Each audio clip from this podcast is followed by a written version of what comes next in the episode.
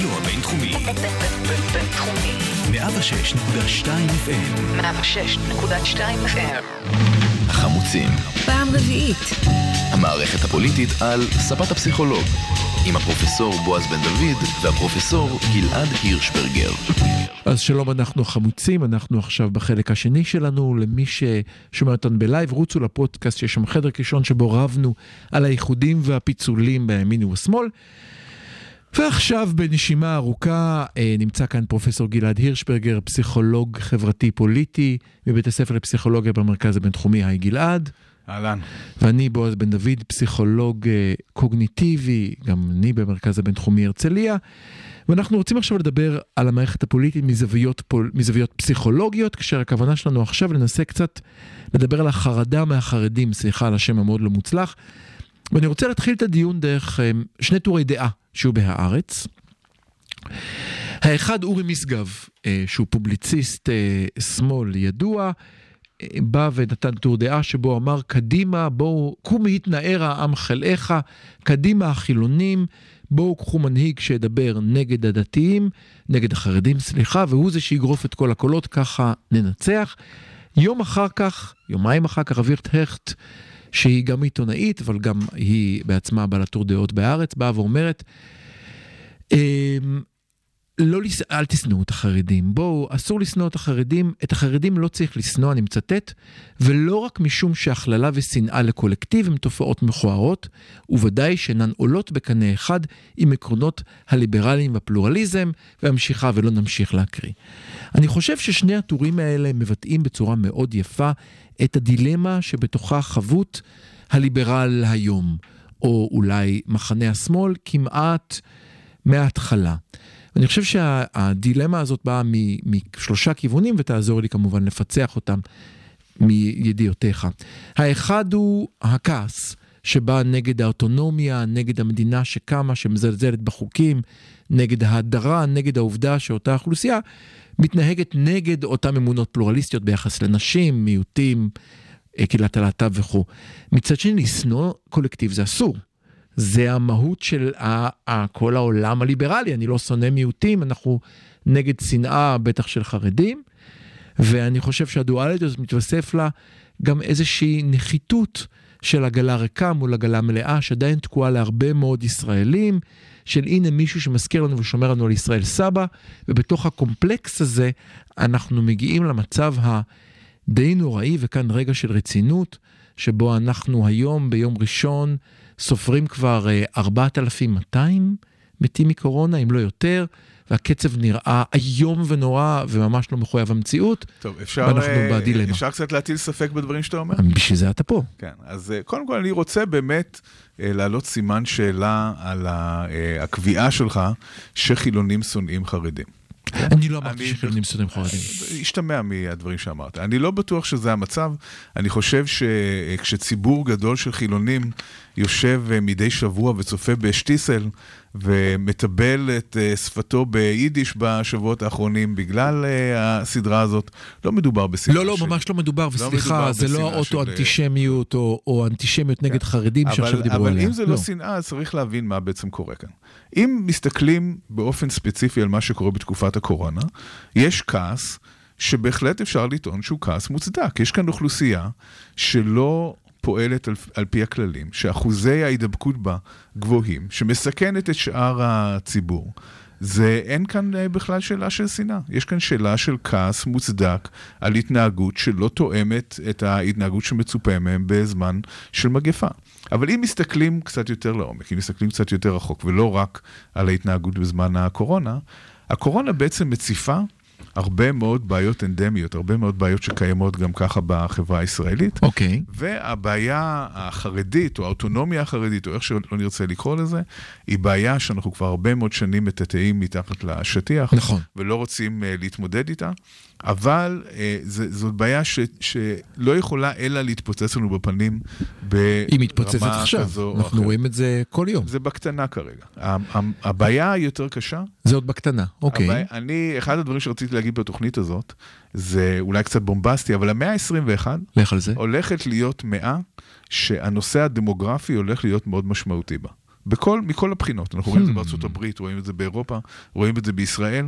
אוקיי. ובישראל הנושא של הדמוגרפיה הפנימית בתוך הציבור היהודי, זה נושא מאוד נפיץ, שהולך להיות מאוד, הוא כבר משמעותי והולך להיות יותר משמעותי. מה זאת אומרת? אחד הדברים הברורים שקורים, אם תשאלו כל אה, דמוגרף, אה, תקראו אה, תחזיות של דמוגרפים, אחד הדברים הברורים זה שהציבור החרדי גדל מאוד באחוזים שלו מכלל האוכלוסייה, בעוד שהציבור החילוני במקרה הטוב נשאר במקום או אפילו אה, מתכווץ, ואז אנחנו קודם כל במצב שבו פני המדינה משתנים. כן. יש כאן שינוי זהותי מאוד משמעותי. כן. המדינה הזאת עם הזמן, אם לא יהיה איזשהו שינוי אה, מאוד דרמטי, תהפוך להיות יותר ויותר דתית. זה דבר אחד. אוקיי. דבר שני שקורה, רק שנייה לפני שנמשיך, אני רק רוצה לשאול אותך שאלה ששואלים אותי תמיד. אה, שיעורי היציאה בשאלה, אתה אומר, הם זניחים ולא... לגמרי, זניחים ולא ב- מד- ביחס, ל, ביחס ל- לריבוי, לריבוי הטבעי הם זניחים לגמרי. אוקיי. עכשיו, יכול להיות, אתה יודע, גם לפני 200 שנה היה אה, תהליך אה, חילון עצום בעם היהודי, ו- ורבבות יצאו החוצה, ואנחנו צאצאים של אותם אנשים שחזרו בשאלה. אף אחד לא אה, מוציא מכלל אפשרות שדבר כזה יכול לקרות, אבל זה כרגע... כמו שלא לא- יכולנו לחזות את הקורונה. אוקיי, זה בסדר. כרגע לא משהו ש... אה, שרואים שהוא קורה. טוב. מה שכן קורה זה שיש שינוי מאוד משמעותי, ב, או, או התרחש זיהוי, שינוי מאוד משמעותי בזהות של ישראל בעקבות השינויים הדמוגרפיים האלה, ויש כאן גם נטל כלכלי הולך וגדל. של ציבור חילוני שהוא הציבור היצרן במדינה, שמחזיק על הגב שלו יותר ויותר ויותר אברכים, אה, משפחות שלא מסוגלות אה, לכלכל את עצמם, לא מסוגלות בעצם להתקיים מהמם. אה, בקורות עצמן. מהמם. זאת משוואה שלא יכולה להמשיך להתקיים. כן, אז הציבור החילוני שמבין את זה, אומר, הלו, מה, מה קורה פה? עד, עד מתי נוכל להמשיך כן. לעשות? זה לא שנאה. זו תגובה מאוד מאוד טבעית לשינויים שגם מאיימים על הזהות החילונית, וגם, וגם אה, הם פשוט בלתי אפשריים לאורך זמן. לא ניתן להמשיך אה, לשאת את זה לאורך זמן. אני חושב, אבל כאן, כאן הנקודה שאולי לא הסברתי טוב, אני אודה לך אם תחדד אותי. אני חושב שמה שקורה לצופ... הצופה בטלוויזיה, שרואה, אה, גם מסתכל על המספרים ורואה, כמו שאמרת, את ההוצאה. גם רואה את המשבר הכלכלי האדיר שאנחנו עומדים לפתחו, מי שראה את עובדה, דיברו על זה קצת, הם אמרו שאפילו נכדינו ימשיכו לשלם את החובות שאנחנו נמצאים בהם היום. מצד שני, רואה את הילדים שלו בבית בזום, ואני יודע שגם לך יש וגם לי יש, כאשר פותח את הטלוויזיה ורואה שהכוללים פתוחים, שהישיבות פתוחות והסטודנטים נכון. שלנו לא מגיעים, אז זה בדיוק חלק מהכעס המוצדק. מעורר כעס מוצדק, ואני חושב שעם הכעס המוצדק בא נועה ירון למשל, והנועה ירון לא כדמות חלילה, אלא כתופעה, ואומרת לו, אסור לך. אתה לא יכול, כי אם אתה עושה את זה, אתה בעצם נהיה אנטישמי. ואני חושב שהדבר הזה מוחדר אלה בתקשורת, מניפולציות. אלה אבל, מניפולציות אבל המניפולציות האלה עובדות. הן עובדות בלי הפסקה. נכון. הקראתי לך את השורה עכשיו. הן- אסור הן לשנוא, בדיוק- אסור פה, נכון, אסור הן שם. עובדות בדיוק בגלל שחלק מהבעיה של השמאל, אה, וזאת בעיה גם בפסיכולוגיה הפוליטית, כן, כן. שחוקרת את הדברים האלה, כן. שהיא מתעלמת מהקונטקסט. זאת אומרת, היא אומרת, יש רגש שלילי של קבוצה מסוימת כלפי קבוצה אחרת, זה לא טוב. רגש שלילי זה דבר לא טוב, אה, צריך לעשות משהו כדי לשנות את הרגש השלילי הזה, והיא לא מסתכלת על זה שיש קונטקסט מסוים, שבו זה היה בלתי סביר בכלל שלא יהיה רגש שלילי של קבוצה אחת כלפי הקבוצה השנייה. אגב, זה לא צריך להיות נגד כל הקבוצה השנייה, זה יכול להיות נגד ההנהגה של הקבוצה השנייה. אנחנו יודעים שבקרב החרדים, בקרב הציבור החרדי, רבים מאוד, חרדים מאוד. אגב, אה, כשמסתכלים על רמת החרדה מהקורונה, רמת כן. החרדה שם גבוהה מאוד.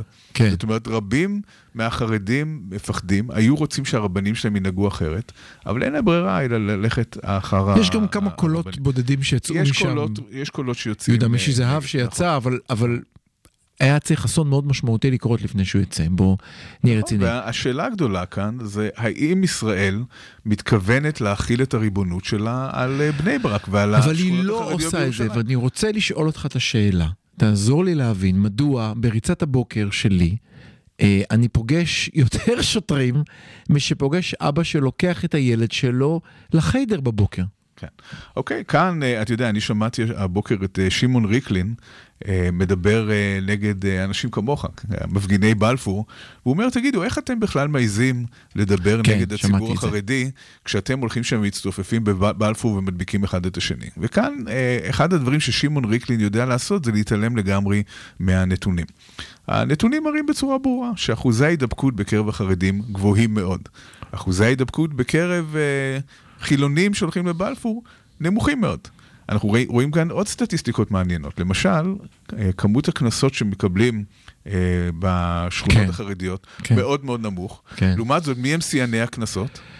אנחנו פה בתל אתה, אביב, לא תל אביב? לא תל אביב. אז מי? היישובים הערבים. אה. הם השיאנים של הקנסות. זאת אומרת שאם יש איזושהי גזענות כאן, היא דווקא כלפי הערבים. כן, שהם, אה, ש- אחוזי ההדבקה שם הם לא נמוכים, זה נכון, אבל הם לא לא כמו אצל החרדים, לא. אבל אה, בקנסות הם מספר אחד. אני, אני אשאל שוב את אותה השאלה. מדוע המשטרה נמנעת ומונעת מעצמה מלהיכנס ולשלש... תראה, אני הנהגת הורים בבית ספר מסוים, בית ספר של הבת הגדולה שלי. מדוע אני לא אומר, בואו אנחנו הנהגת ההורים, נכניס לבית ספר פתוח, אני- אז אני אגיד ובבקשה. שתבוא המשטרה. אז אני אגיד לך, בישראל יש כמה אוטונומיות, ש- שכרגע אנחנו לא מגדירים אותן באופן רשמי כאוטונומיות, אבל, נכון. אבל הן דה פקטו אוטונומיות. יש את האוטונומיה החרדית. המשטרה מפחדת להיכנס לשם. כשהמשטרה נכנסת לשם מדי פעם, אז שורפים להם את המכוניות, דופקים להם מכות. כן. הם לא יוצאים משם אה, בצורה טובה. זאת אומרת, בשביל באמת להשליט סדר בשכונות החרדיות, בבית שמש, בבני ברק, כן. אתה צריך להיכנס עם, אה, עם, עם צבא, אתה צריך להיכנס עם מג"ב. רק, רק שתבין, זה לגמרי כמו התנהגות לארגוני פשע. מה אתה עושה עם ארגוני פשע? אתה אומר להם, אל תעשו את זה בחוץ, תעשו את זה בפנים, והמשטרה לא תפריע. אז זה בישראל יש. אוטונומיה חר... חרדית דה פקטו. אגב, יש גם אוטונומיה בדואית. כן? כן. גם לבדואים המשטרה נמנעת מלהיכנס. יש גם אוטונומיה מתנחלית, לפחות בהתנחלויות הקיצוניות יותר. אף אחד לא רוצה להתעסק איתם. אנחנו רואים מה קורה בשבועות האחרונים. כן. יש ממש אה, פוגרומים מדי יום נגד אה, פלסטינים. אה, כאן אה, יש לציין שנפגעה ילדה בת 13, נפגע ילד בן 5. כן, מדובר כאן לא בפעולה נגד אה, מחבלים, אלא לא, לא, לא, לא. ממש פגיעה בילדים חפים מפשע, והמשטרה לא עושה כלום. מסמ... אני מודה לך שהשתמשת כי- במילה פוגרום, כי זה המילה היחידה. כשמישהו. בא לכפר זה ומטיל. בו אימה, כשזה קורה פעם אחת אפשר כן. אולי עוד לקרוא לזה משהו אחר. כן. זה ממש דבר שבשגרה מדובר בפוגרום ממש. משטרת ישראל היא בעצם משטרה שיש לה יכולת לפעול באזורים מאוד מאוד מוגבלים בישראל. מתחת לפנס. מת... נכון, מתחת לפנס, מתחת לבית שלך, כי יודעים שאתה נחמד. מתחת, ויודעים בדיוק. שאתה לא תשרוף מכוניות. לא, אבל, אבל אני, אני חייב לתת כאן את ההדגמה. שוב, אני, מאחר, מאחר ואתה האקדמאי, אז אני אהיה הפוליט, הפוליטיקאי העלוב. אני יוצא לי להפגין, כאמור, לפחות פעם בשבוע, ואני רואה משטרות, והמשטרות, כשהן באות, באות לעצור, אנשים מרימים את הידיים, יש את הדבר המפורסם, מרימים את הידיים שיעצרו אותם, צועקים והכול, ואומרים שאנחנו אנרכיסטים וזה. כשבאו מתנחלים להפגין, זרקו אבנים והפכו מכוניות משטרה. נכון, אז בגלל שאתם כל כך נחמדים, וכל כך עדינים, ולא עושים אה, בלאגן, אז אפשר להתמודד איתכם. כן. כן. שומרי חוק קוראים לזה, אני חושב. שומרי חוק. אני חושב יפה שזה חלק מה-. זה חלק לא, מהמילה. זה, זה לא מוביל אתכם ליותר מדי מקומות, אבל אה, אני אוהב שהפכנו לאתה ואתם, זאת אומרת, אנחנו עכשיו כבר לא באותו צד, זה טוב, אנחנו גם מופרדים אנחנו בשולחן. מנסים אה, ליצור עניין כאן, זה כל ה... נו יאללה, בוא תמשיך. כן. אז מה, מה אפשר לעשות? נו, תשכנע אותי, מה, מה אפשר לעשות מחר? מה אפשר אין- לעשות? אין, אה, אין פתרון בזק לבעיה. אני לא מסביר את עצמי. יש בחירות. אתה עכשיו מייעץ, כי אני עכשיו נותן לך טלפון לייעץ לאחת מ-19, רגע, 19 שנייה, 20 מפלגות השמאל שנפתחו כרגע.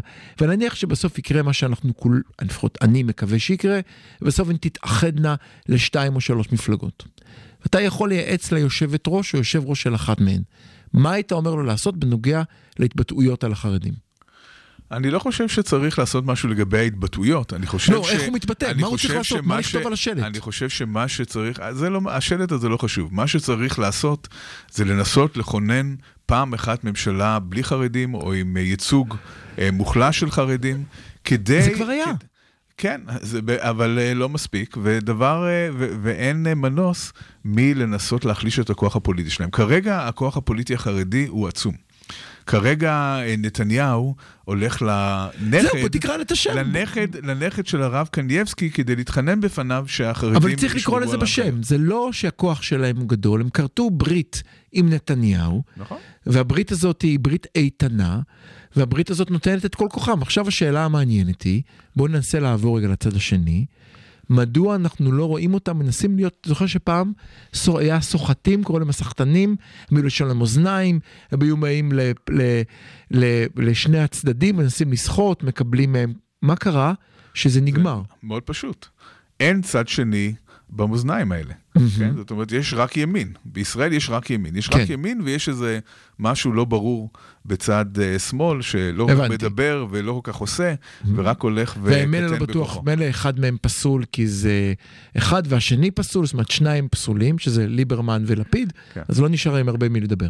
נכון, אני לא אופטימי לגבי העתיד עם החרדים, אני כן חושב שצריך אה, להפסיק אה, אה, להגיב למניפולציה הזאת כאילו ששונאים את החרדים, זה לא שנאה, יש כאן קודם כל אה, מאבק על דמותה של המדינה שהוא לגיטימי לגמרי, ויש כעס על זה שחוקי מדינת ישראל לא חלים על אה, משהו כמו מיליון מאזרחיה של המדינה. אולי קצת יותר ממיליון, זה, זה, זה מצב שהוא לא תקין. אז אני רוצה, אני יכול לסכם את הפרק? סיימת? אתה יכול לסכם. תודה רבה. חופשי. אז אני רוצה לסכם את הפרק עם סיפור אמיתי, שאני אטשטש בו קצת את ה... בעצם אני לא צריך לטשטש בו שום דבר. אז אה, לפני כמה חודשים, ממש בימי, ה- אה, בעצם, בימי האחרונים של הכנסת, היה ניסיון מטורף של להעביר חוק מבוקר עד ערב, שאף אחד לא התעניין בו חוץ מנשות המקצוע שהן קלינאיות התקשורת והחרדים, לאפשר לנשים לקרוא לעצמם קלינאיות תקשורת ולטפל באותו מקצוע חשוב. שמטפל באנשים המתמודדים עם אוטיזם, שמטפל באנשים המתמודדים עם מוגבלות שכלית התפתחותית, מה שנקרא פיגור, בעוד דיבור, בעוד שמיעה, נקודה מאוד מאוד רגישה, לאפשר לבוגרות סמינר חרדי כמעט ללא אה, הכשרה לבוא ולעסוק במקצוע הזה חופשי חופשי בלי פיקוח. בדקה ה-90 עם לחץ מטורף שהיה שם איזה פוקס, לא יאומן, החוק הזה נעצר. אבל החוק הזה היה כפסע מלעבור. מדוע זה מעניין? מאחר ויש היום שתי מסגרות בישראל מיועדות אך ורק לחרדיות, להכשיר אותם לקניות תקשורת. שניהם הם מוסדות אקדמיים מכובדים, הדסה וקריית אונו, שעומדים למיטב הבנתי בכל הכללים. אבל זה לא מספיק. זה לא מספיק, והייתה שם דרישה למשהו שהיה בעצם הופך, מאבד לגמרי את כל הרעיון שעומד מאחורי מקצועות הבריאות, והופך אותם למשהו שהוא כמו, קח הכשרה של חודשיים וצא לטפל באנשים ובהצלחה. ואני חושב שבעתיד זה יעבור, וזה אולי בסיפור קטן שקשור לעולמי המחקרי, מסביר את הסכנה שעומדת במצב הזה שקראת לו אוטונומיה.